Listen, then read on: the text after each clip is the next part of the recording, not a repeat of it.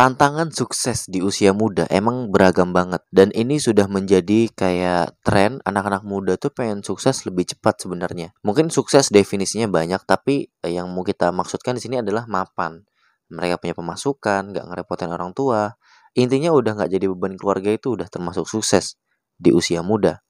Nah tapi sayangnya kenapa sampai sekarang tuh masih sedikit anak-anak muda itu sedikit yang bisa mencapai tahap sukses di usia muda. Balik lagi, ini karena dari yang kami amati, ini karena uh, sering kali anak muda itu terdistraksi selama masa jenjang waktu di mana mereka mencapai cita-cita. Misalnya nih, uh, dari dulu pas aku SMA punya tuh cita-cita pengen kuliah di luar negeri, terus kerja di uh, kedutaan dan sebagainya. Nah, ternyata di tengah jalan itu kita terdistraksi sama hal-hal lain yang akhirnya kita ngubah tujuan kita yang sebelumnya jadi pengen kuliah di luar negeri jadi ah kuliah di dalam negeri aja dan sebagainya. Nah, hal-hal ini tanpa kita sadari itu datang dengan sendirinya. Kita sebagai orang yang memang pengen sukses di usia muda itu jangan sampai terdistraksi, jangan sampai membolehkan distraksi itu masuk dalam uh, mempengaruhi kita gitu. Nah, untuk bahas uh, hal ini lebih lanjut, kali ini aku udah siapin beberapa pointer untuk teman-teman semua di podcast kali ini. Judulnya sih terdistraksi sampai zona degradasi. Jadi tanpa kalian sadari, kalau kalian membiarkan distraksi ini terus mempengaruhi diri kalian, bisa-bisa kalian mencapai zona yang paling bawah. Nah, distraksi sendiri itu adalah hal yang bisa membuat kita tuh hilang fokus gitu hilang fokus kita gitu. Emang distraksi banyak sekali, uh, cuman pada intinya distraksi itu hal yang membuat kita uh, hilang fokus gitu. Maksudnya hal yang membuat fokus kita itu terpecah ataupun teralihkan gitu loh. Konsentrasi kita bisa-bisa teralihkan. Pada dasarnya banyak orang tuh yang punya cita-cita bahkan dari SMA tadi. Uh, balik lagi ke di awal uh, pengen kuliah di luar negeri, pengen kerja di pemerintahan, pengen jadi aparat. Cuman itu tadi di tengah jalan sering banget kita tuh terdistraksi.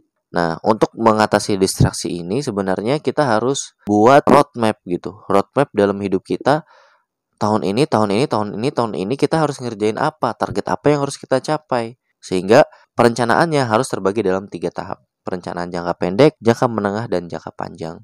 Nah, kira-kira uh, untuk buat rencana jangka panjang dalam 5 sampai 10 tahun ke depan kita harus ngapain nih? Kita harus bisa achieve apa gitu. Uh, untuk perencanaan jangka menengah, kita harus uh, apa nih yang harus kita capai tiga setengah sampai enam tahun ke depan untuk jangka pendek apa nih yang harus kita capai di tahun depan tahun depan dua tahun lagi sampai tiga tahun lagi nah rencana ini kalian harus susun rapi sehingga itu tadi aku bilang lebih bagus buat roadmap. Jadi terukur terarah gitu loh. Ya kan? Kalau kalian sudah buat roadmap ini kira-kira kalian masih possible nggak untuk uh, terdistraksi sama hal lain? Bener banget masih banget kita tuh distraksi sama hal lain. Misalnya pas lagi kuliah nih rencana jangka pendeknya tahun depan uh, mau beli motor gitu misalnya. Nggak taunya uang yang kita tabung di tengah jalan tiba-tiba terdistraksi sama teman-teman yang ngajak nongkrong. Tapi nongkrongnya uh, kayak bukan self reward lagi jadi kayak tiap hari nongkrong. Ini tanpa teman-teman sadarin kalau hal ini kalian ikutin ya kalian terdistraksi sama teman-teman berarti. Bukan teman-teman gak baik loh ya tapi kan kalian ingat punya tujuan di awal kalau misalnya tahun depan punya target. Nah ini contoh gitu gimana kalau pencapaiannya banyak banget? Maksudnya di rencana jangka pendek jangka menengah dan jangka panjang itu planning kalian banyak. Nah ini salah satu tips yang aku dapatkan juga jadi aku pernah baca buku biografinya Warren Buffett ya salah satu orang terkaya di dunia bahkan dia pernah jadi nomor satu walaupun dia sudah menyumbangkan sebagian hartanya untuk kemanusiaan tetap aja dia masih jadi orang terkaya di dunia. Ya udah tau lah ya kalau Warren Buffett nih investor hebat gitu dari Amerika Serikat. Nah beliau itu pernah ngasih tips ya kalau misalnya kita sebagai manusia untuk membuat perencanaan ke depan itu nggak usah terlalu kayak banyak gue pengen pengen jadi pengusaha pemimpin terus apalagi wali kota. Pokoknya tetapkan sedikit fokus dan fokuslah ke hal itu.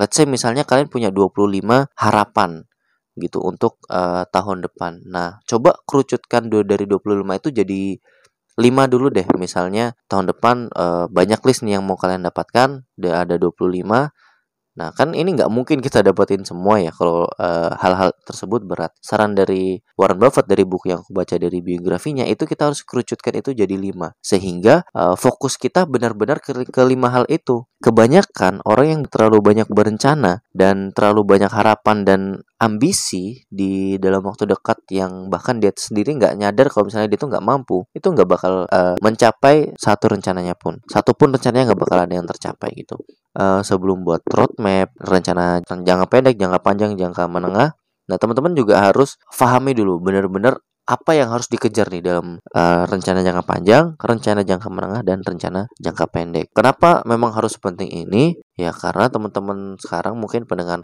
pendengar melisankan pikiran, ya kita melihat kebanyakan fenomena uh, sekarang anak muda tuh gampang banget terdistraksi. Ya aku sendiri juga kadang-kadang terdistraksi tapi balik lagi kita semua tuh dituntut untuk punya tanggung jawab. Gak mungkin dong orang tua udah sekolahin lama-lama terus mau anaknya diem aja gitu kan. Pasti harus ada hal yang harus kita kasih timbal balik tendensinya harus balik itu ya salah satunya ya sukses sesuai definisi kalian masing-masing gitu. Dalam tanda kurung yang positif lah orang tua mengharapnya apa ya kalian usahakan untuk jadi itu gitu sesuai dengan passion kalian. Aku juga pernah baca sebuah buku aku lupa judulnya tapi yang aku ingat penting banget tuh ini. Jadi kalau misalnya kita muda pengen punya rumah setelah kuliah tanpa kita sadari itu uang-uang kita ngopi, uang-uang kita jalan, uang-uang kita self reward.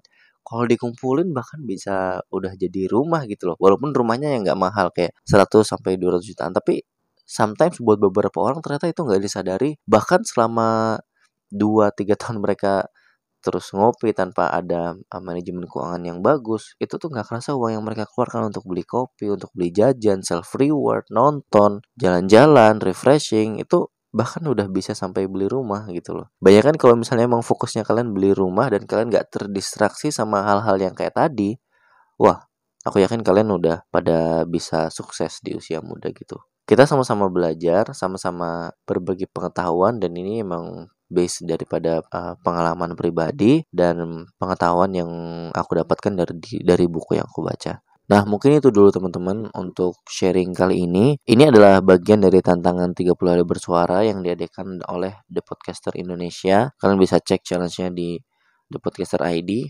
Nah, teman-teman, boleh juga nih kalau misalnya mau dengerin uh, podcast kita yang lain, bahas tema-tema yang lain, bisa banget bisa banget dengerin kita di Spotify, Noise, Pogo, kalau memang mau visual walaupun semua episode belum terlalu lengkap di versi visualnya kalian teman-teman bisa lihat kita di uh, channel YouTube melisankan pikiran. Cukup sekian dulu teman-teman. Kalau gitu aku pamit. Daripada nambah pikiran mending dibicarakan. Assalamualaikum warahmatullahi wabarakatuh